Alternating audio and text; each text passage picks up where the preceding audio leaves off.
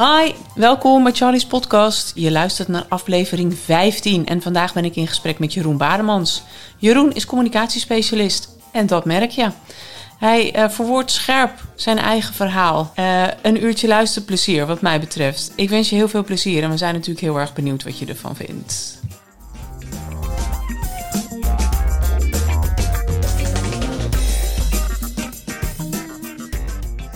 Daar gaan we.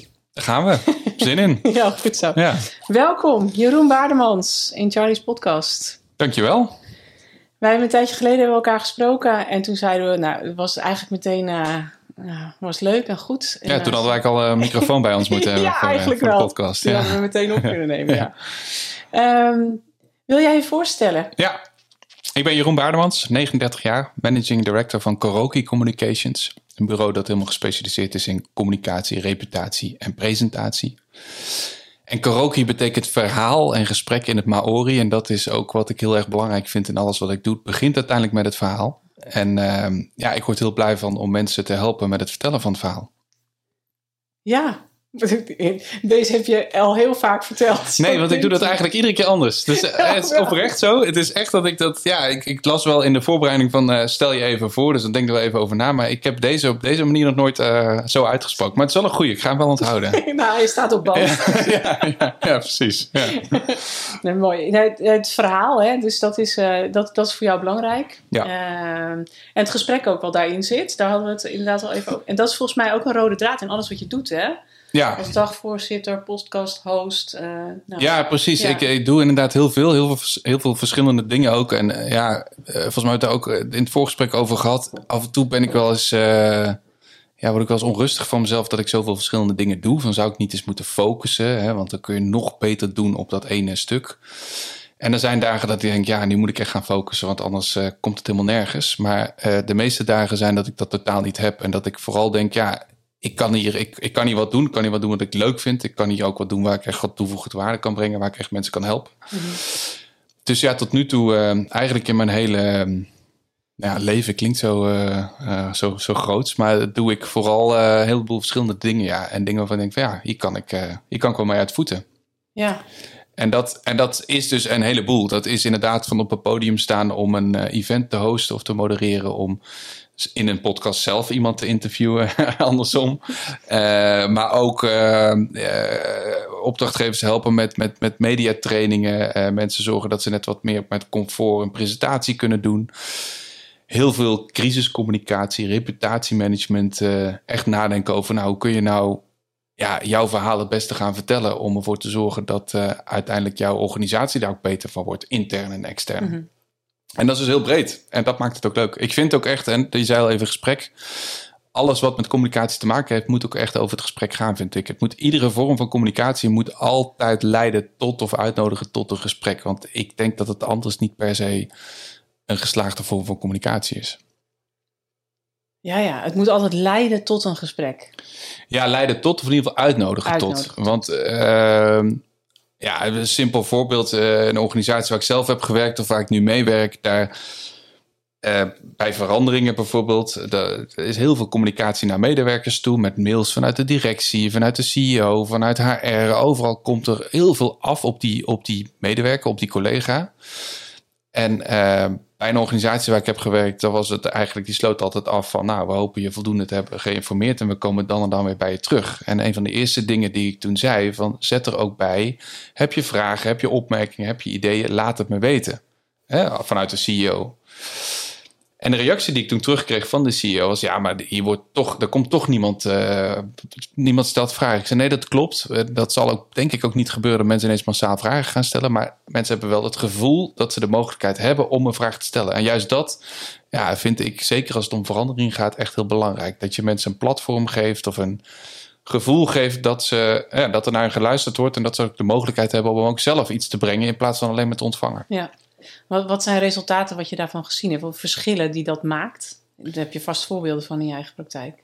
Ja, nou en specifiek dit veranderingsproces was best wel een, een grote verandering uh, van het bedrijf. Uh, internationale samenwerking. Uh, blijft mijn baan wel of niet? Ehm, en heel veel angstcultuur ook. Hè? Heel veel van, nou, ik durf niet te veel te zeggen, want dan gaat het misschien ten koste van mijn baan. Mm. Um, en wat ik merkte daarin, door dat continu uit te, continu te blijven zeggen, tot vervelend toe van mezelf ook. En ik hoorde mezelf weer tetteren.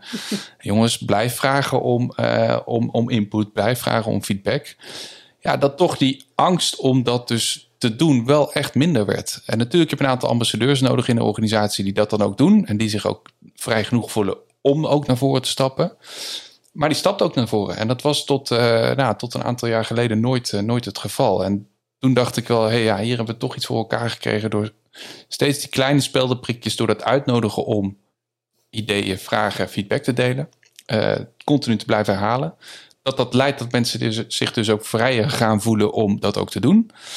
En dat is volgens mij cruciaal om mensen ook mee te nemen in je verhaal waarom je gaat veranderen. Mhm.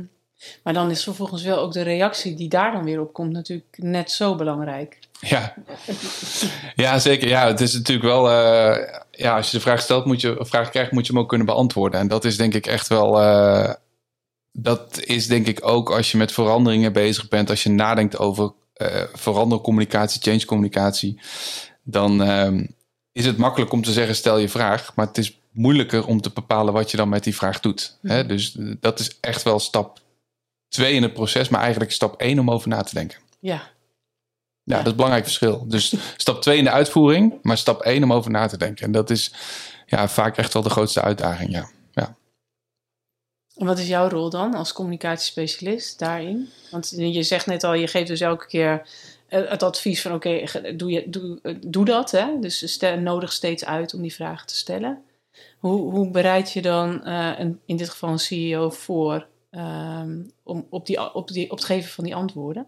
Ja, wat ik vaak eh, wat ik merk in, ehm, ook, ook bij collega's en, en, en mensen met wie je samenwerkt, is dat uh, de afdeling communicatie of de communicatiespecialist of de adviseur of hoe je het ook wil noemen, is in, in, in, in tijden als het moeilijk wordt vaak ook wel echt een hele voor de rest van de organisatie vaak een hele vervelende persoon. Want het is continu challengen, continu. Ja, maar als wat als er dit gebeurt? Of ja, maar als wat als er dat gebeurt? Dat is natuurlijk heel vervelend voor mensen die een doel voor ogen hebben. En ik moet deze transitie voor elkaar krijgen. Of ik moet die sales gaan realiseren. Het is heel vervelend om continu iemand op je schouder te hebben zitten die zegt: Ja, maar wacht even, voordat we dat gaan doen, hebben we daar en daar over nagedacht. En uh, uh, hebben we er goed over nagedacht dat als die vraag komt, dat we dan antwoorden.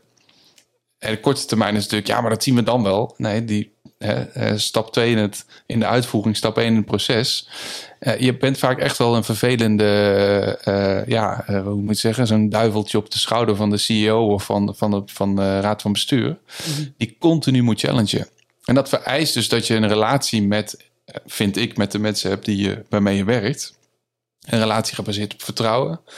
Een relatie gebaseerd op weten wat je ook aan elkaar hebt. En ook een relatie die gebaseerd is om elkaar in je waarde te laten gaan om de expertise. Dus vertrouwen om de expertise. Um, de communicatieadviseur heeft uh, ja, hopelijk veel verstand van communicatie, maar de marketing director of de sales director heeft veel verstand van sales. En dat hoeft niet allemaal bij elkaar te komen. Dat, niemand heeft dat allemaal uh, op 200% in zijn portefeuille. Tenminste, ik heb diegene nog niet, uh, nog niet ontmoet. Nee, nee. Wat is, wat is communicatie voor jou dan? Eh, want ik denk dat daar ook veel verschillende, daar, dat hebben we in het voorgesprek ook wel even eh, geraakt.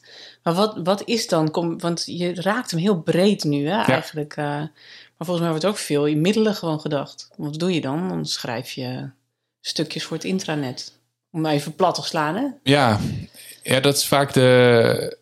Het, het, is heel, het wordt vaak heel makkelijk gedacht over communicatie. Ik heb heel lang bij ING gewerkt uh, in allerlei verschillende communicatierollen. En uh, in ieder communicatieteam waar ik zat, uh, zeiden we wel eens tegen elkaar: Ah, de rest van de organisatie heeft ook heel veel verstand van communicatie. Want alles wat je doet, alles wat je. wat, je, wat je uitbrengt, mensen lezen ook gewoon de krant. Hè, die, hebben er ook een mening over. Daar hebben altijd een mening over. En dat is ook goed. Hè, dat, dat, dat zou ik altijd alleen maar stimuleren. Maar dat is wel een mening over de middelen. En um, ik denk dat communicatie dus veel verder gaat dan de middelen. De middelen is inderdaad uh, ja, stap, uh, stap twee of drie of vier of vijf in het proces zelf. Eerst gaat het over wat is nou precies je verhaal en wat zou je nou echt willen vertellen.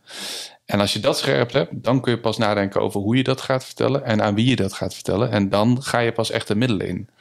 Want het kan heel voor de hand liggen dat je een e-mail stuurt of een event organiseert of een presentatie geeft, maar als je echt goed na hebt gedacht over je verhaal en aan wie je dat vertelt, met wie je dat gesprek wil aangaan over dat verhaal, dan kan het zijn dat op dat moment dat event of die presentatie helemaal niet het juiste middel is.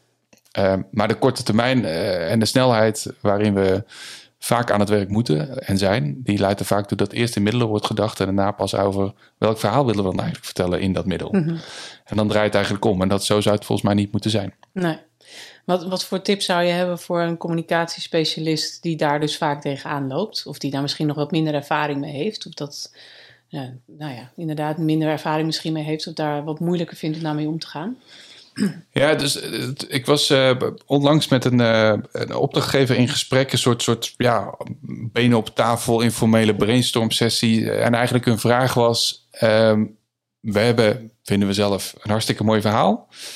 Uh, maar niemand weet het. En, en, kun je nou met ons even met ons meedenken hoe we dat nou beter zouden moeten doen? Want hoe gaan we nou meer mensen uh, ja, deelgenoot maken van ons verhaal? En uh, mijn start van die sessie was ook eigenlijk, er zaten drie mensen van die organisatie aan tafel. En uh, mijn start was ook aan iedere afzonderlijk te vragen, noem mij nou eens even in drie zinnen waar jullie voor staan. Wat is jullie verhaal? En dat waren alle drie mensen die vol passie en vuur spraken over een organisatie. En, en, en konden nou zeven podcasts als deze vullen met over een verhaal. Maar in drie zinnen konden ze het niet uitleggen. En wel een beetje in de richting. En als ik ze dan liet doorpraten, waren het al uh, dertig zinnen in plaats van drie. Maar het lukte gewoon niet.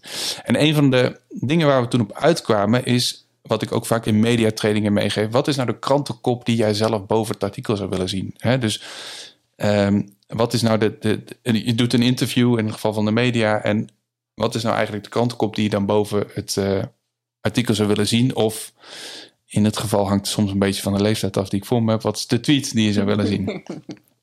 of de online headline die je zou willen zien? En dan maakt hij al scherper, want dat zou ik graag in de, in, in, in de krant willen hebben. En de volgende stap is om over dat verhaal na te denken, is schrijf dan zelf is dat artikel in de krant. Hoeft niet uh, drie pagina's te zijn, maar ga maar schrijven, verplaats je eens een beetje in die journalist. Dus stel jezelf ook af en toe eens even kritische vragen.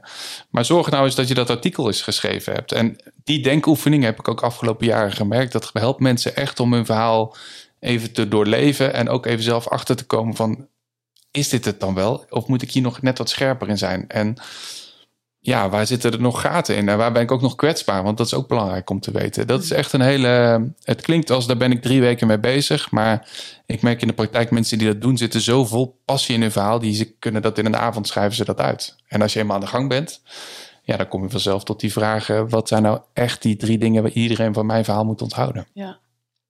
En daarom kun je jouw verhaal ook in allerlei verschillende vormen vertellen, zoals je net aan het begin deed. Ja, blijkbaar. Ja, ja, dat, is, ja, dat is eigenlijk een hele mooie. Uh, ja, zo had ik er nog nooit over nagedacht. Maar dat, dat, dat is misschien wel zo, ja. En um, ja, ik, uiteindelijk is het, is het verhaal. Kijk, volgens mij gaat communicatie ook over um, mensen in beweging brengen. Dus uiteindelijk met iedere vorm van communicatie, wat je ook doet, of het nou een heel groot uh, reorganisatie is voor uh, 10.000 man van een groot bedrijf. Of een interview voor de camera van Hart van Nederland. Of een presentatie voor je medewerkers. Uiteindelijk wil je met jouw boodschap zorgen dat mensen in beweging komen. Of hun gedachten in ieder geval in beweging komen. En dat gaat dus ook echt over veranderen. En om echt wat te laten gebeuren. Om echt die beweging voor elkaar te krijgen moet je verhaal zodanig zijn dat mensen denken van... hé, hey, ja, dat, dat snap ik wel of daar kan ik wel in mee... en ik snap waarom hij dat zegt. Ik ben het er niet mee eens, kan ook. Hè? Het kan ook zijn dat hij het totaal niet mee eens is. Maar ik begrijp wel waarom hij het zegt. En als je, als je dat voor elkaar hebt met je verhaal... dan ben je denk ik echt al uh, op driekwart van je, van je doel. Want dan heb je mensen aan je kant op welke kant je op, uh, op wil... en waarom je bepaalde keuzes maakt. En, en dat is de kern inderdaad ook van... Um, bepalen wat wil ik nou precies vertellen? En zorg ik nou goed dat ik dat goed kan overbrengen? Want ja, mensen hoeven het er niet mee eens te zijn. Dat moet niet het doel zijn. Mensen moeten weten waarom je bepaalde keuzes maakt. Ja, en dus ook helder zijn in die keuzes. Helder zijn in die keuzes. Hè? Dus ook, en dus ook helder zijn in de consequenties daarvan. Hè? Mm. Ook, zeker als je het over veranderingen hebt. Maar ik vind ook heel erg dat je daarin ook juist ook de confrontatie op moet zoeken. Hè? Je, moet, je, moet, je moet daar ook echt wel in. Dit is Hè, dit is waarom wij als organisatie moeten veranderen. Of dit is waarom uh, mijn bedrijf uh, bepaalde keuzes heeft gemaakt. En dat leg ik dus ook graag uit in de media. Daar sta ik ook graag uh, media over te woord. Of ik leg dat graag uit aan mijn collega's. Maar je moet je ook heel bewust zijn van wat nou de, de consequentie is van je keuzes. Mhm.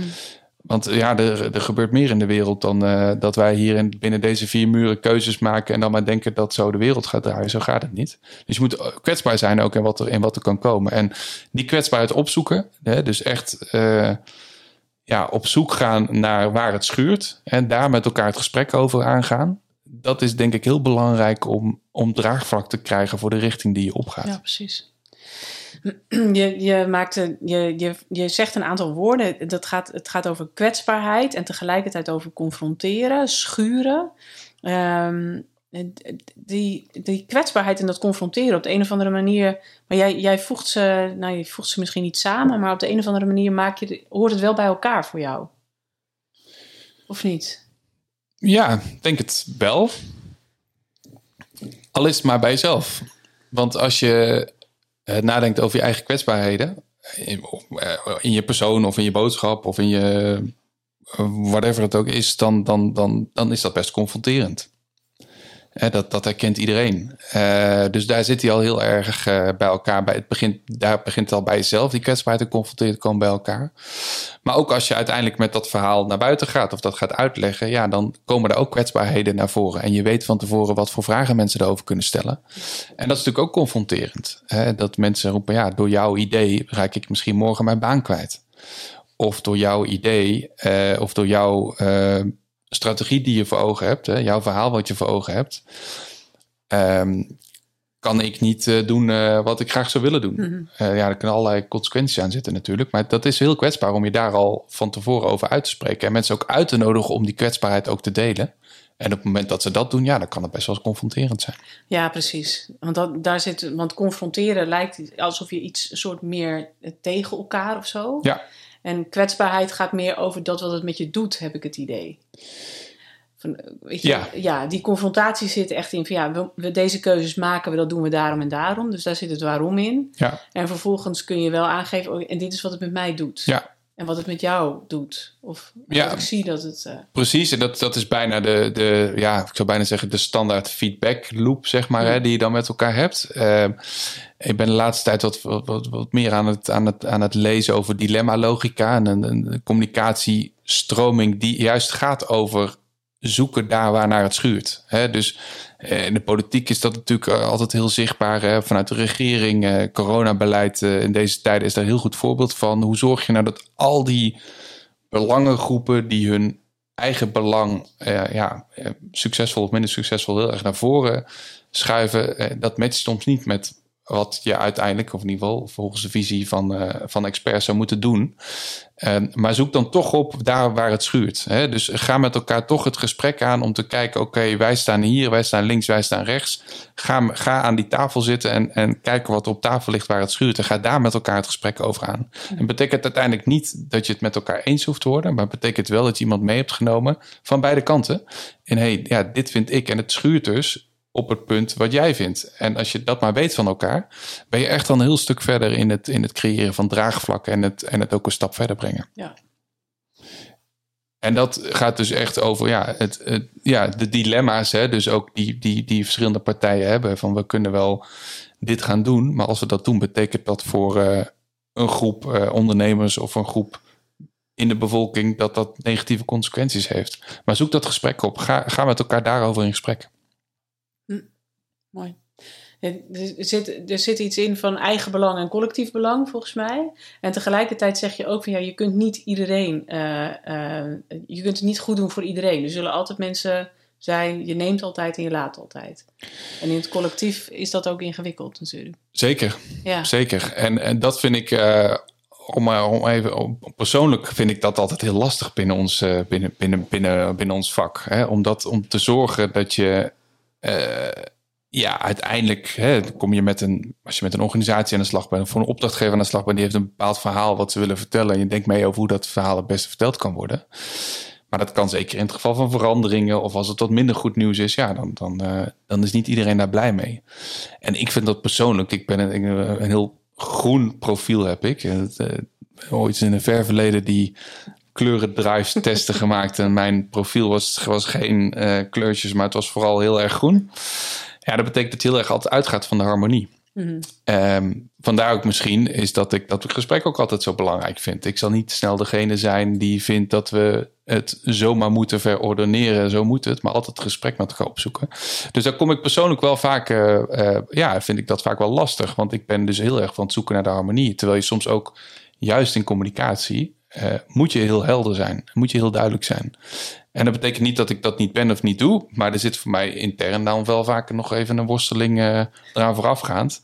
Van doen we dit wel op de goede, op de goede manier. Ja. Maar dat maakt het ook heel integer daardoor. Dat hoop ik wel, ja. Ja, en dat vind ik ook altijd wel uh, belangrijk in alles wat met communicatie te maken heeft. Als je dat verhaal vertelt, dan moet je jezelf ook altijd recht in de spiegel aan kunnen kijken dat je dat verhaal zo hebt verteld. En dat betekent ook wel eens dat je bijvoorbeeld als woordvoerder of als communicatieadviseur dingen uit moet leggen waar je het niet helemaal mee eens bent. Dat, uh, ja, die ervaring heb ik uh, meer dan genoeg uh, uit het verleden. Die heeft iedereen, denk ik, die in het communicatievak zit. Maar daar zit hij ook weer.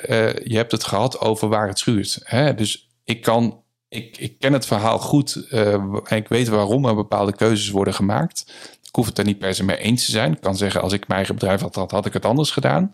Maar ik weet wel waarom ze worden gemaakt. En met die redenering kan ik mee. En dat is vaak iets anders dan het echt mee eens zijn. Maar op het moment dat je met die redenering mee kan en dat je zegt, nou, kijk, ik snap vanuit uh, de andere belangen dat deze keuze gemaakt wordt. Ja, dan, dan, nou, dan ben je vaak ook als communicatieadviseur wel genoodzaakt. En dan moet je toch uiteindelijk dat verhaal gaan vertellen. Mm dus het betekent niet altijd dat je alles maar altijd maar moet communiceren waar het volledig achter staat. Maar het moet wel authentiek zijn. En dat kan dus alleen maar, denk ik, door ja, jezelf aan het eind van de dag echt in de spiegel aan te kijken van eh, alles wat ik vandaag heb verteld of geadviseerd, sta ik daar ook op een bepaalde manier achter. Hm. En er zijn wel, ja, er zijn altijd situaties, denk ik, die iedereen herkent, dat dat soms heel lastig is. Dat ik het gewoon, ja, er zijn ook situaties geweest dat ik het gewoon echt bijna niet meer kon verkopen. Dat ik het mezelf ook moeilijk uit kon leggen. En ja, dan word je bijna een woordvoerder naar jezelf. En dat is volgens mij ook niet echt uh, de goede wat, Wat gebeurt er dan? Wat gebeurt er dan met jou?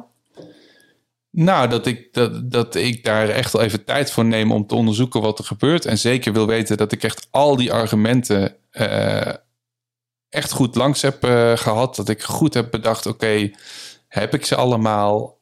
ja, ik heb ze allemaal. En, en kan ik me daarin vinden of kan ik, me, kan ik me voorstellen wat daar gebeurt? En als daar het antwoord nee op is, ja, dan heb je een probleem, denk ik. Want dan, ja, dan gaat het echt te ver van jezelf af. Ik heb ook vaak bij een, bij een bepaalde opdrachtgever ook wel eens gezegd... ja, ik vraag me af of ik hier mijn handtekening onder kan zetten op wat hier gebeurt. Want uiteindelijk communicatieafdeling moet je wel je verhaal vertellen. Moet je het verhaal van de organisatie vertellen. En staat er als verantwoordelijke voor communicatie, staat er dan uiteindelijk ja, bij wijze van spreken jouw mm. handtekening onder. En op het moment dat je daaraan twijfelt, ja, dan wordt het toch heel lastig, vind ik, om dicht bij jezelf te blijven en je functie nog goed uit te voeren. Juist omdat je ook altijd die challenger moet zijn van, hey, is dit wel wat we zouden moeten doen? Mm. Dus dat is ook vaak een persoonlijke worsteling. Ja, dat geloof ik. Ja. Stop je er dan mee? Of blijf je het gesprek aangaan? Is er dan een moment ergens dat je zegt van, oké, hier kan ik niet meer? Ja, die, nou ja, dat is denk ik ook een proces. En uh, ja, ik ben gelukkig nog niet zo heel oud om uh, al terug te, om al te kunnen buigen op, uh, op uh, decennia lang ervaring. Dus dat, dat niet. Maar ehm, het, het, het, is een proces. Maar je merkt wel dat het wel gaat knagen. En je merkt dus wel dat als je nou, daar het gesprek over bent aangegaan en een discussie over met elkaar hebt gehad daar kom je dan uiteindelijk wel uit. Want ja, ik ben nogmaals, ik ben iemand van de harmonie. Dus ik zal nooit met slaande deuren zeggen: Nou, zoek het allemaal maar uit. Ik ga echt door om tot een oplossing te komen. Ehm, maar dat is wel een proces wat aan je gaat knagen dan op een gegeven moment. Ja, wat er uiteindelijk toe wel in ja, bepaalde gevallen wel toegeleid heeft dat ik heb gezegd: ja, dan, dan kan ik hier niet zoveel toegevoegde waarde meer bieden. En dat zegt nogmaals niks over een strategie of een koers van een bedrijf. Hè. Dat, dat is ook uiteindelijk is dat ook prima. Alleen ja, ik kan daar vanuit mezelf, kan ik daar niet... Uh, kan ik, toch kan ik er niet genoeg in mee. toch even uitleggen. Dat doe ik niet meer, hè? Ja, nee, zeker. Ja, nee, zeker. Ja, ik vertel heel graag uh, waarom. Ja, dat zie je.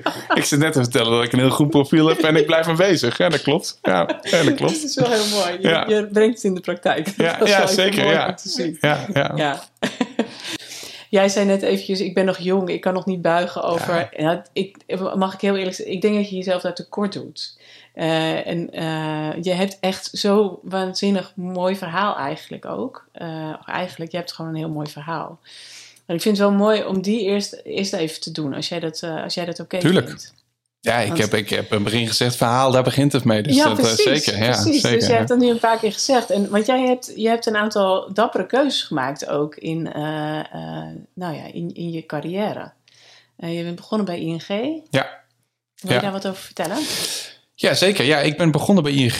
In uh, eh, 2006 ben ik begonnen in de management bij ING. En dat was uh, voor iedereen, inclusief mijzelf, een van de grootste verrassingen toen ik vertelde dat ik een contract uh, had getekend bij ING om daar het management in te gaan. Uh, want ik heb, ik heb totaal geen financieel-economische achtergrond. Ehm, ik wilde heel erg altijd de politiek in en de internationale betrekkingen. ook stage gelopen bij de ambassade in Washington. Dus echt wel het, het diplomatenstuk. En toen kwam in één keer ja, kwam ik bij een bank terecht. Want een ING vroeg of ik daar wilde verder gaan wilde gaan solliciteren. Dat heb ik gedaan. En voordat ik, nou, voordat ik het wist, zeven rondes verder, uh, had ik een, uh, een handtekening en kon ik daar gaan beginnen. Dus dat was voor mij een totaal nieuwe ervaring. Tot op de dag van vandaag lachen mensen, vrienden daar nog wel eens om. Dus dat was een keuze die, ja, die ik toen ook echt wel op gevoel heb gemaakt. Want dat, ja, dat deed je een business course, drie dagen, weet je, dan uh, meegenomen in het bedrijf. En ja, natuurlijk vroeg ik mezelf ook al van wat moet ik bij een bank? Maar de, ja, de, de, mensen met wie je daar omging, je kijkt er kom je heen, wie is hier nou meer voor uitgenodigd? Zegt dat over profiel van wat ze zoeken? Zegt dat over mensen die ze zoeken? Mensen met wie je te maken hebt vanuit de organisatie? Ja, dat voelde echt heel goed. Het was heel natuurlijk, paste goed bij me. En ik vond het heel belangrijk dat um, ING, en dat hebben ze ook totaal waargemaakt in de jaren daarna, heel erg uitgaat van je persoonlijke ontwikkeling. Dus je hoeft bij ons geen economie gestudeerd te hebben, zeiden ze. Het gaat erom dat je een bepaalde manier van denken hebt, dat je open staat voor nieuwe ideeën. En daar zijn we naar op zoek. Dus nou, toen, hè, toen zijn we even teruggegaan naar daar waar het schuurt. En toen kon ik mee in hun redenering. En, uh, en toen uh, nou, heb ik uh, elf jaar met enorm veel plezier gewerkt in allerlei verschillende rollen. Um, communicatierollen als adviseur, als manager en uh, ook ruim tien jaar binnen ING bij allerlei events en bijeenkomsten op het podium gestaan als presentator, als moderator, interviewer. Um, en uiteindelijk ook nog een half jaar in Brussel uh, verantwoordelijk geweest voor Head of Communications, voor alle communicatiedingen daar. En uiteindelijk na elf jaar beging op reis met mijn gezin. Ik ben getrouwd, ik heb een tweeling van toen bijna vijf, nu acht. Uh, die reis hadden we, mijn vrouw en ik altijd al voor ogen. Uh, zelfs nog dachten we toen, nou ja, als we een kindje krijgen, kan het misschien ook nog wel met een baby. Maar toen bleek er ineens twee baby's in de buik te zitten. Dus toen werd het toch wel iets anders verhaal. En hebben het uitgesteld totdat uh, de jongens net vlak voordat ze vijf werden, dat kon schooltechnisch lukte dat.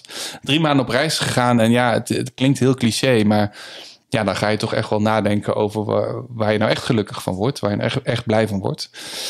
En ja, ik zat daar. Eh, we zijn door, Nieuw-Zeeland gereisd, was fantastisch. En ik zat uh, uit te kijken over een prachtig meer waar de tweeling met een oranje zwembandjes in dobberde. En uh, nou, ik werd daar dus heel gelukkig van. Maar ik ging me ook bedenken waar we ook nou echt heel blij van. En dat kwam uiteindelijk neer op het vertellen van dat verhaal. Zowel vanuit alle communicatiedisciplines, maar ook zelf op een podium of voor de camera.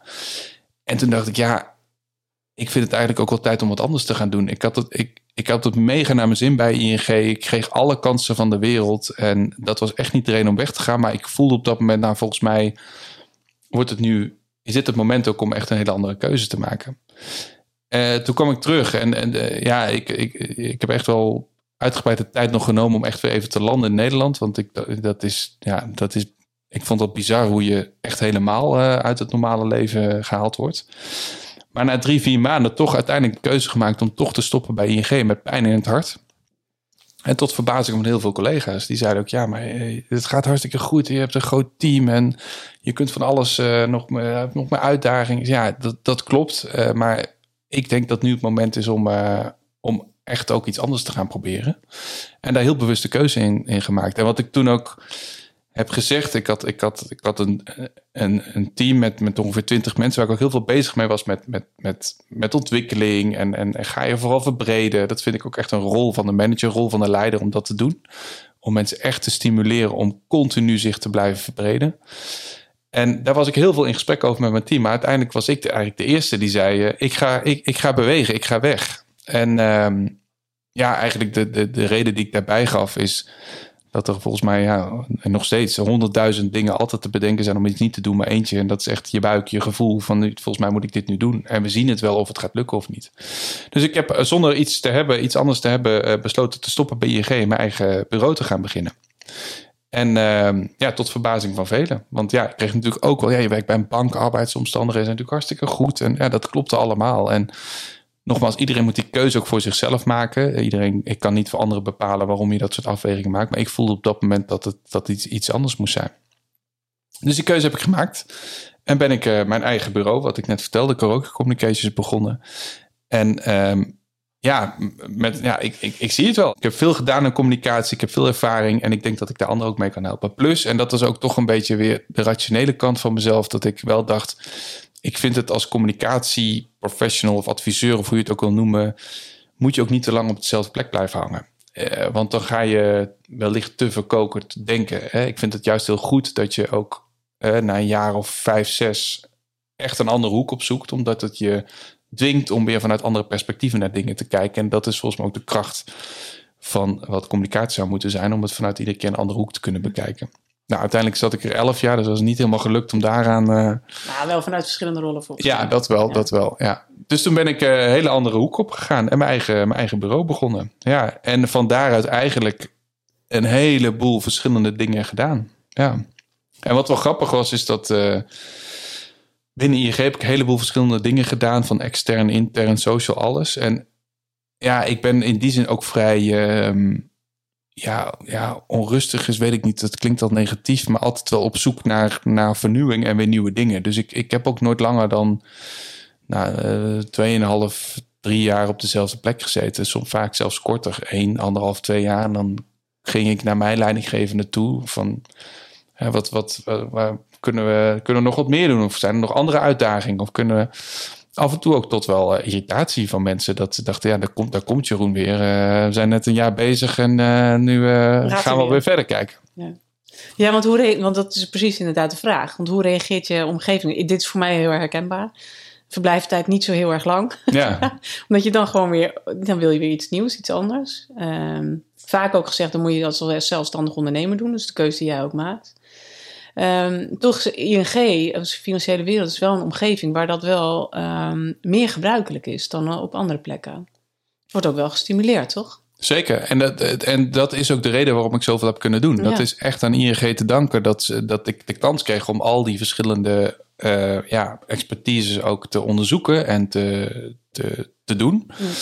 Um, en dat wordt zeker gestimuleerd. En het is ook, ja, natuurlijk qua, ja, zeker in mijn vak communicatie, reputatie is het wel, ja, de Champions League, zou bijna, bijna zeggen Super League, maar dat is in deze tijd misschien wat, uh, wat niet, niet de goede benaming, maar echt top. Uh, wat je als communicatie, is echt een hemel voor iedere communicatieprofessional natuurlijk, om daar te werken, om daar te zitten. En dat heb ik altijd wel gerealiseerd, ja, absoluut. Uh, maar toch dacht ik, het is nu ja, voor mezelf tijd om ook een hele andere weg in te slaan en kijken hoe ik dat ga ervaren. En? Nou ja, ik wilde verandering en die heb ik, uh, die, die heb ik wel gehad. Um, en nou ja, je kunt over inhoud en zo, dat, andere, andere sectoren. Ik ben uh, bij retail aan de slag, uh, binnen retail aan de slag gegaan vanuit mijn eigen bureau. Allerlei verschillende andere sectoren ook mogen zien en, en nog steeds. Maar een van de grote veranderingen waar ik af en toe in de auto of in de trein nog eens over nadenk, is, is de verandering die je persoonlijk ervaart. Hè? Want je, je, je ja, ik, ik vind zelf hè, als persoon en ook als, als, als, als, als leidinggever, als manager of als leider, feedback echt enorm belangrijk. Ik, ik vraag ook iedereen tot, tot ja, vervelends toe van heb je feedback, laat het me weten. Dat vind ik heel belangrijk om te geven, maar ook zeker ook te krijgen. En als je dan uh, in één keer uh, ja, met je tasje onder je arm uh, buiten staat, dan is dat echt een hele andere wereld. Want in een, in een groot bedrijf is dat op een bepaalde manier georganiseerd. Of je organiseert het zelf met collega's waar je goed mee schakelt. En dat was echt wel een van de grotere uitdagingen die ik heb ervaren toen ik, toen ik echt voor mezelf ging beginnen. Ja. En ja. hoe doe je dat nu? Hoe organiseer je dat? Kun je het voor jezelf organiseren? Ja, ik vind het heel lastig, moet ik heel eerlijk zeggen. Want tuurlijk heb je, heb je ja, nu binnen mijn bureau wel collega's en, en partners waar je heel goed goed mee werkt. Hè, en dat, dat, dat is daar ook wel aanwezig. Um, gaat wel toch wel vaak op de inhoud. Hè. Je moet echt wel even zoeken naar momenten waarop je het ook buiten die inhoud kunt trekken. Maar als ik bijvoorbeeld als presentator of moderator bij een event aan de slag ben geweest, tuurlijk vraag ik dan feedback. Maar ja, iedereen zegt nee, was hartstikke leuk Jeroen en uh, is goed gedaan. En uh, nou ja, dat is heel fijn. Dan ga je op zich vrolijk met het is niet echt de feedback waar je natuurlijk echt op zit te wachten vaak. Ik wil graag ook hè, uh, horen wat er niet goed ging. Ik wil horen waar het beter kan of wat er anders kan. En dat is echt wel anders dan uh, dat je bij een grote organisatie werkt. Want daar wordt dat meer georganiseerd. Al is het maar met, met, met, met, met uh, coachingsgesprekken die je, die je hebt met elkaar. Hè? Dat is echt anders georganiseerd. Dus dat mm. vond ik persoonlijk wel echt een, een hele andere wereld. Ja. Ja. En ook nog zoeken dus.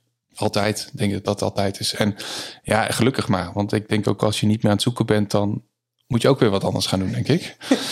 uh, dus uh, dat vind ik wel een vereiste om, uh, om scherp te zijn, om, om, om, om, om maximaal dingen te kunnen doen. Je moet blijven zoeken.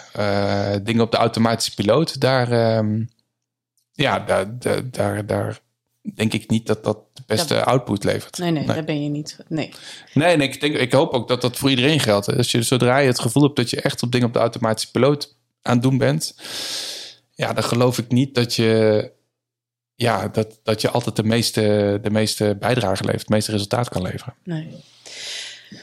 Zit dat leren, hè? Wat je, dus eigenlijk die feedback die, jij, uh, die je vraagt, en of, die, uh, of die je soms wel eens wat mist, dus hè, in, deze nieuwe, uh, nieuw, in deze nieuwe vormen die je. Zit het niet ook op gewoon op andere, in andere manieren? Krijg je niet op andere, leer je niet andere dingen, om het zo maar te zeggen? Ik merk, namelijk dat die situatie voor mij gewoon. Um, en als je daar even op inzoomt, dan, um, dan is het er wel, maar is het er gewoon op een andere manier. Dus je komt in aanraking met hele andere mensen, uh, hele andere dynamieken. En, en, je, en je, volgens mij kom je ook op een leeftijd of op een fase in je. Je hebt toch over leeftijd, hè? Ja, nee. ja, hè? We verschillen niet zoveel in leeftijd. Nee, maar ja, misschien zit het dus wel ook ja, wel in leeftijd, maar meer dat je op een gegeven moment ook op een, op een punt komt. Dat je, um, uh, dat je het zelf, die inzichten, dat het meer impliciet wordt of zo. Snap je? Dus je leert eigenlijk in elke dag en nog heel erg veel, maar je bent er misschien ook niet altijd heel erg bewust van. En het hoeft niet per se te zitten in feedback die je krijgt van een collega of van een. Uh, je krijgt op andere manieren feedback. Ja, ja en ik denk dat je. Um, jezelf als persoon daar, daar eigenlijk je belangrijkste feedbackpartner bijna in wordt. Want je wordt meer gedwongen um, dan, dan in een structuur waar het georganiseerd is om, om, naar je, om jezelf feedback te geven of, of, of naar jezelf te blijven kijken. En dus ook vertrouwen te houden in jezelf. Hè? Want dat is denk ik ook een grote, heb ik wel ervaren als een grote persoonlijke uitdaging. Dat um, ja, als je in een grote organisatie aan het werk bent, dan, dan of dat nou als, als adviseur, medewerker of leidinggevende, maakt niet uit in welke rol. Het, uh, het gaat ook echt over vertrouwen hebben in jezelf. Maar als je in een grote organisatie wordt, wordt dat veel voor je gestuurd. En dan doe je het goed en dan krijg je meer verantwoordelijkheden. En dan maak je promotie of niet. Of nou, dat, dat, dat, wordt daar, dat zit allemaal in een, in een bepaalde. Precies, dus je krijgt eigenlijk steeds bevestiging vanuit anderen. Ja, een bepaalde mal zit dat. En het is ook redelijk overzichtelijk, want het gebeurt allemaal binnen de vier muren van dat bedrijf. er gebeurt heel veel, maar het is wel allemaal met een oranje sticker of een rode sticker of welke kleur dat ook is. Um, dus het wordt voor je georganiseerd. Op het moment dat, dat, dat je dat niet meer hebt, uh, dan, dan ben je veel meer aangewezen op jezelf. En ben je dus ook aangewezen op het vertrouwen dat je in jezelf hebt om dingen goed te doen. Ja. En dus het, in het vertrouwen dat je in jezelf hebt, dat je ook echt toegevoegde waarde kunt brengen en hebt gebracht als je iets hebt gedaan voor een opdrachtgever. En dat, ja, dat vind ik wel uh, ja, een persoonlijke ontwikkeling die ik met name zie uh, sinds dat ik echt wel mijn eigen bureau ben begonnen. Dus ja. toch een waanzinnige leercurve? Ja, zeker. Zeker. Eh, ja, absoluut. Heel erg op een persoonlijk leiderschapsstuk, uiteraard. Want ja, volgens mij is dat de kern van persoonlijk leiderschap. Dat je, uh, en dat, ja, ik luister je podcast vaak, dat komt ook vaak terug in deze podcast. Dat dat uiteindelijk begint bij jezelf. En dat lijkt weer een cliché. En ja, nu ga ik hem toch, toch noemen, blijkbaar. Want ik had me voorgenomen dat dus niet te doen. Maar dat is echt zo. Het is een cliché dat begint bij jezelf. Maar het, is, gaat om vertrouwen hebben in jezelf. En ja en dus iedere keer vertrouwen hebben dat je met de kennis, met de expertise die je hebt, maar ook met de persoon die je bent en in de persoonlijke verhouding die je met de mensen hebt met wie je werkt of voor wie je werkt, dat dat, een, dat, dat voldoende basis is om echt iets goed te kunnen doen. En echt te kunnen voldoen aan het, ja, in mijn geval altijd wel enorm hoge uh, ambitieniveau dat ik wel heb. Mijn, lat, mijn, mijn lat ligt altijd wel heel erg hoog. Soms ook mhm. wel te hoog, te hoog vind ik zelf. Maar, uh, of tenminste, uh, te hoog ligt hij nooit. Maar af en toe denk ik wel eens van, uh, het had ook wel net iets meer ontspannen gekund. Ik, ik ga wel door. Ik, ga echt, ik, ik heb daar hele hoge ambitie altijd in, ja. Om dingen voor elkaar te krijgen. Dus is zelfs dat eigenlijk niet goed genoeg. Je moet er eigenlijk nog iets meer bij kunnen ontspannen. Ja, en nu ben ik, als je het aan mijn omgeving vraagt, een vrij ontspannen persoon. En niet zo snel boos te krijgen. En uh, altijd wel uh, rustig. En uh, ook in stresssituaties, in crisissituaties. De rust die ik heb, dat, dat krijg ik vaak als feedback terug dat dat heel prettig is. Maar ik leg mijn interne lat. Het is, het is niet snel goed genoeg voor mezelf. En dat is een hele fijne eigenschap, vind ik. Want ik, ik heb dan ook, als ik dus iets doe of iets uitstuur of iets maak, dan nou, dat kost dat af en toe wel even figuurlijk bloed, zweet en tranen. Maar dan is het wel, nou, dan denk ik, oké, hier uh, sta ik wel achter. Dit durf ik, dit durf ik te laten zien. Ja, ja. Maar dat is wel een interne worsteling vaak, ja. Mhm. En ook uh, op, in, in, in, in de rol vanuit een communicatieadviseur, of vanuit niet eens communicatie, maar denk ook van een rol vanuit, vanuit leiderschap, is dat je, denk ik, altijd heel erg bewust moet zijn van. Um, van wie je tegenover je hebt. En, en natuurlijk, hè, dat is de basis. Maar ook goed bepalen, goed luisteren naar waar zit die behoefte nou. Want het kan zijn dat je zelf op een heel hoog niveau zit op het onderwerp, omdat je heel veel ervaring hebt en de ander niet. En dan kan ik wel zeggen, zo en zo moeten we het doen. Maar die andere zit, die, die, ja, dat is, die, die is daar nooit geweest. Die heeft, die heeft geen idee van hoe X werkt of Y werkt. En dat is zijn of haar goed recht. Dat is geen waardeoordeel. Maar ik, ja, ik zie ook veel leiders en, en, en adviseurs te veel doordraven in hun eigen gekokerde visie. Ehm, en die opleggen aan degene tegen wie je, uh, die, die tegenover je zit. En dat is volgens mij niet de, de juiste route. Nee, want hoe zorg jij dan dat je, eh, dat je elkaar vindt dan? Dus dat je in die verschillende. Nou, door, door dat eigenlijk gewoon te ervaren. Um, ja, we hebben het gehad over ING. En, en ik heb eh, lang bij ING allerlei verschillende communicatierollen gezeten. En, en daar, ja, dat, daar is het niveau enorm hoog. Met de mensen met wie je werkt, de eisen die aan je worden gesteld. En toen ben ik weggegaan bij ING en toen kwam ik ook met andere organisaties in contact. En ja, daar, daar, daar is minder focus op communicatie en reputatie soms. En dat, is, dat kan ook prima. Dat hoeft niet altijd eh, tot het maximum. Uh, maar dat betekent wel dat ik daar binnenkwam en ja, met een enorm hoog ambitieniveau van dit is een strategie die we moeten doen, volledig uitgewerkt zoals je dat bij een grote corporate doet. En dat mensen tegenover me zaten, maar Jeroen, we moeten ook nog wel gewoon morgen verkopen. Hè? Onze sales moet ook gewoon door blijven draaien. En toen heb ik ervaren, ja, ik moet daar dus goed, goed mee levelen. Ik moet goed kijken naar waar de behoefte nou precies zit en waar ik, waar ik kan helpen. En hetzelfde geldt voor dingen die voor mij heel um, ja, heel, heel basis zijn om te doen als je nadenkt over een bepaalde communicatiestrategie of reputatiestrategie. Dat kan voor anderen een, een, een, een enorm, ja, enorme stap zijn.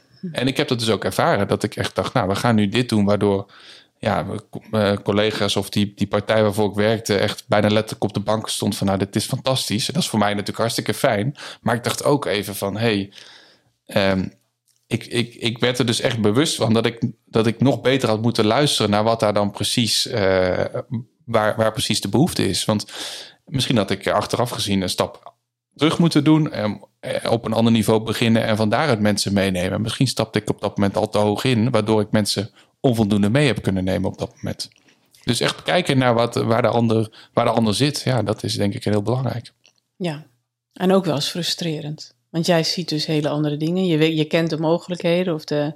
En dan, dan moet je levelen. En dan nou, je, je duidt het ook wat aan met. Uh, ja, en, ja, we zitten zonder, zonder camera. Je zit, zit met mijn handen te bewegen. Nee, ja. nou, en ik heb altijd een beetje moeite. Je merkt ook dat ik het woord dan niet uitspreek. Maar uh, hoog, laag, weet je, dat vind ik altijd een beetje ingewikkeld. Ik ook. Ik ook. Um, en, maar je zit wel, je, je spreekt elkaars taal niet op dat moment. Dat kan, ja. ja. Dat kan. Ja. En het is niet zo dat ik een, uh, zeker niet een alwetende ben die, die overal vertelt hoe het moet. Zeker niet. Dat, dat, dat ben ik niet en dat wil ik ook niet zijn en dat kan ik ook niet zijn. En ik vind ook dat je dat als communicatieadviseur en ook niet als leider in het algemeen niet moet zijn. Je moet goed kijken naar welke taal de ander spreekt. En dat heeft niks te maken met niveau hoog-laag.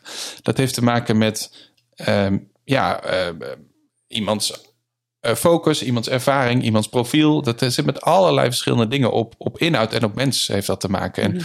ik denk dat het heel belangrijk is om juist ook daar weer het gesprek op te zoeken waar dat dan schuurt. Hè? Dus waar, waar je elkaar daar uh, uiteindelijk uh, confronterend tegen gaat komen. Om daar met elkaar het gesprek over aan te gaan, zodat je elkaar erin kunt helpen. Ja.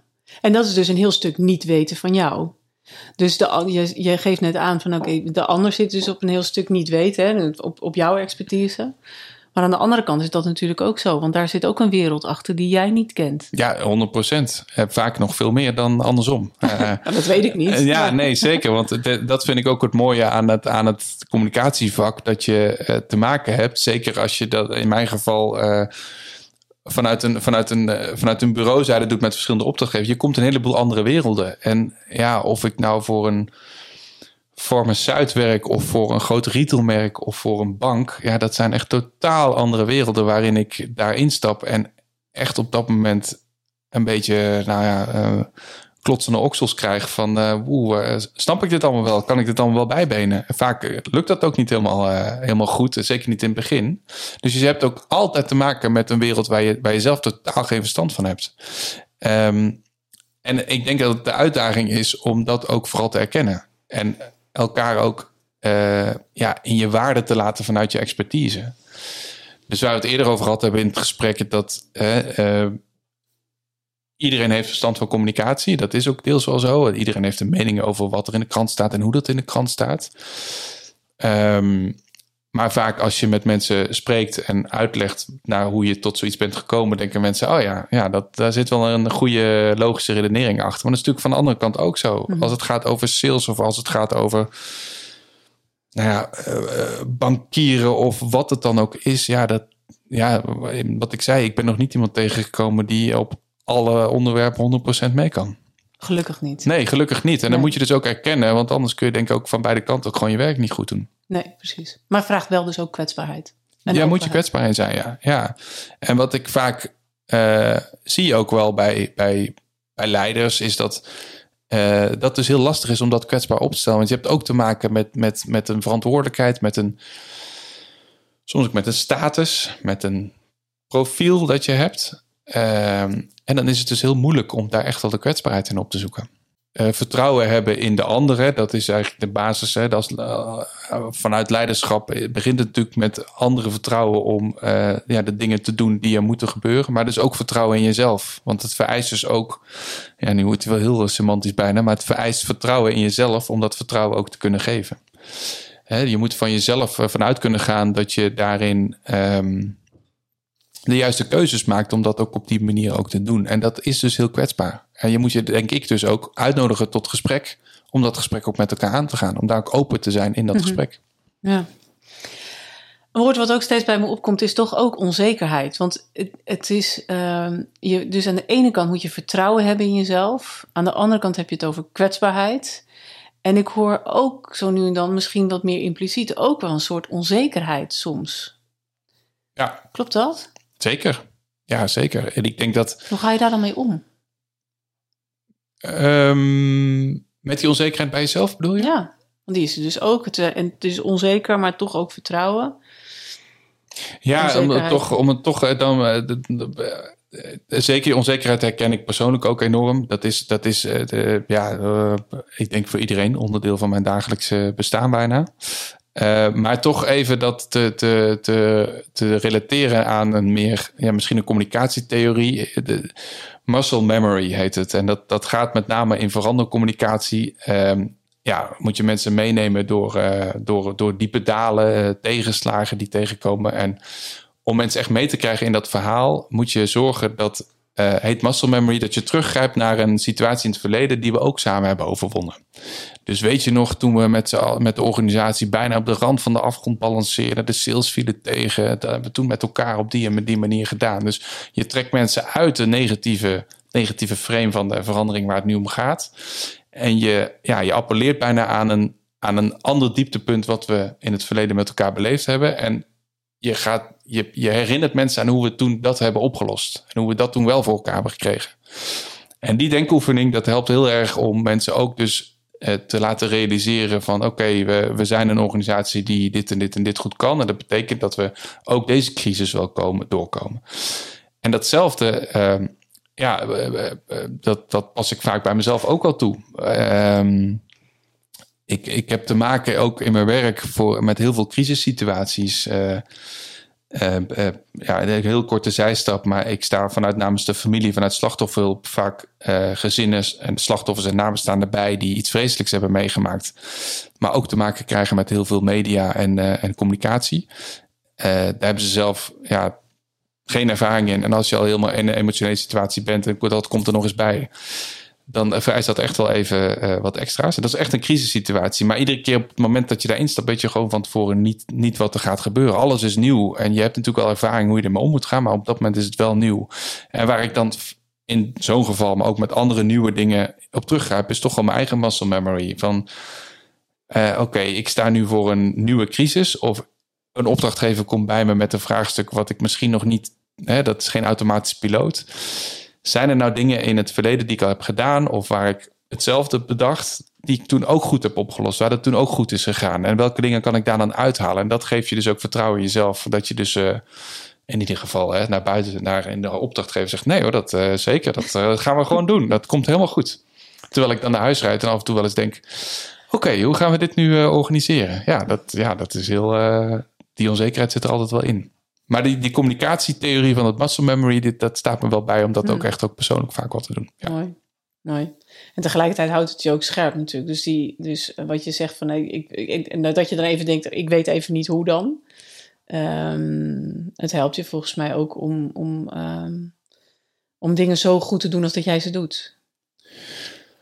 Ja, en dat zit denk ik heel erg op, op authenticiteit en, en, op, en op zijn wie je bent. Mhm. Ehm, dat vind ik zelf altijd heel belangrijk in wat ik doe. En ook in, ehm, in, in de manier waarop ik, waarop ik dingen doe. Hè. Als ik uh, mediatraining, presentatietraining geef, een van de, van de. Ik zeg er altijd bij. Ik geef eigenlijk geen training, maar ik geef coaching. Want ik kan jou honderd trucjes leren om, uh, om met je journalist om te gaan. Maar het gaat erom dat je jouw verhaal vertelt op de manier die bij jou past. Dat mensen thuis die vanavond op de bank om acht uur op het journaal zitten te kijken, dat die denken: hé, hey, ze vertelt het wel vanuit zichzelf. Ik ben het er niet mee eens, dat hoeft niet, maar ze vertelt het wel vanuit zichzelf. En als je dat bereikt, dat kun je niet met trucjes en training doen. Dat moet, dat moet uit, dat, daar moet je, ja, daar, daar coach ik dus uh, mensen bij om dat te zorgen dat het vanuit jezelf komt om dat verhaal te vertellen. Natuurlijk zijn er altijd een beetje dingen die je die je wel kunt leren. Maar als je daar te veel in doorslaat, dan gaat de authenticiteit van het verhaal weg. En dat zorgt ervoor dat mensen niet in beweging komen van jouw verhaal. Terwijl dat wel jouw bedoeling is. Ja. Denk je dat mensen in beweging zijn gekomen van jouw verhaal? Heb je je verhaal goed kunnen vertellen? Wat ik hoop is dat ik uh, over heb kunnen brengen dat het steeds zoeken naar vernieuwing en het steeds zoeken naar nieuwe dingen in, in je werk wat je doet, maar ook in je keuzes die je maakt ja, in het leven. Dat klinkt enorm groot, maar laten we het dan even op carrière houden. Ik hoop dat, uh, ja, dat, dat mensen in ieder geval uh, uh, ook vooral bij zichzelf even nadenken van hey, zit ik nog op een plek? Heb ik het nog wel naar mijn zin? Kan ik hier nog wel genoeg uitdaging vinden? Um, um, moet ik niet eens even wat nieuws op gaan zoeken? Dat dat, dat dat af en toe gaat triggeren. Dat hoop ik gewoon. Want daar zijn niet alleen. Ja, daar ben je zelf niet mee geholpen, maar is je organisatie ook mee geholpen. Want op het moment dat je dat doet, ben je tot veel meer in staat. Als je dingen doet waar je met je gevoel en met je energie achter staat, dan gaan dingen vliegen en is het resultaat ook beter. En dat laat jij volgens mij zien in elke dag. Ja, dat kijk ik iedere avond wel even naar uh, in de spiegel. Ja, ja, ja, ja, ja, dat probeer ik wel. Ja. ja. Mooi. Dankjewel. Graag gedaan. Ik heel, vond heel, heel tof. Ja, ik vond het heel leuk. Fijn. En, ik heb nog één laatste vraag voor je. Weet je nog? Aan wie wil jij het stokje overdragen? Ja, daar heb ik over nagedacht. Ik zou graag het stokje overdragen aan Annemarie, Annemarie Renes van Asselen. Is een, uh, een, uh, een nou ja, bijna een goede collega. Iemand waar ik al een tijdje nu echt veel mee samenwerk. En Annemarie is ja, komt uit een hele commerciële carrière. Bij grote corporates gewerkt, echt in commerciële functies. Maar heeft op een gegeven moment het gevoel gehad, ik, ik kan ergens anders veel meerwaarde toevoegen. En dat zit heel erg op leiderschap en met name op vrouwelijk leiderschap. En de essentie is dat vrouwelijk leiderschap ja, niet per se iets van vrouwen hoeft te zijn, maar het moet van leiderschap zijn. En iedereen heeft uh, een bepaalde manier van leiderschap, heeft bepaalde uh, persoonlijke competenties. En als we nou eens in leiderschapsteams van alle organisaties wat meer vrouwelijk leiderschap zouden toelaten of zouden ja, tot wasdom laten komen, dan kunnen organisaties en leiderschapsteams, mannen en vrouwen, daar alleen maar van profiteren. En ik denk uh, ja, dat zij een, uh, een hele goede gesprekspartner voor je is met de onderwerpen die jij in deze podcast raakt en bespreekt. Mooi. Dus het is een verrassing voor haar, maar we gaan het zien. nou, ik hoop dat het wil. Klinkt heel erg goed. Dankjewel. Dankjewel dat je er was. Graag gedaan. Ik vond het heel leuk hier te zijn. Ja, dat was hem alweer. Aflevering 15 van Charlie's podcast. Jeroen, dankjewel. Dankjewel voor je openheid en je eerlijkheid. Uh, het was een super fijn gesprek. Heerlijk om je ontmoet te hebben. Ik hoop uh, tot snel. Uh, voor iedereen die, die deze podcast luistert, ehm, kijk even op www.charlies.nl voor meer informatie. En natuurlijk kun je de podcast vinden in je favoriete podcast-app. Ik zeg tot de volgende keer.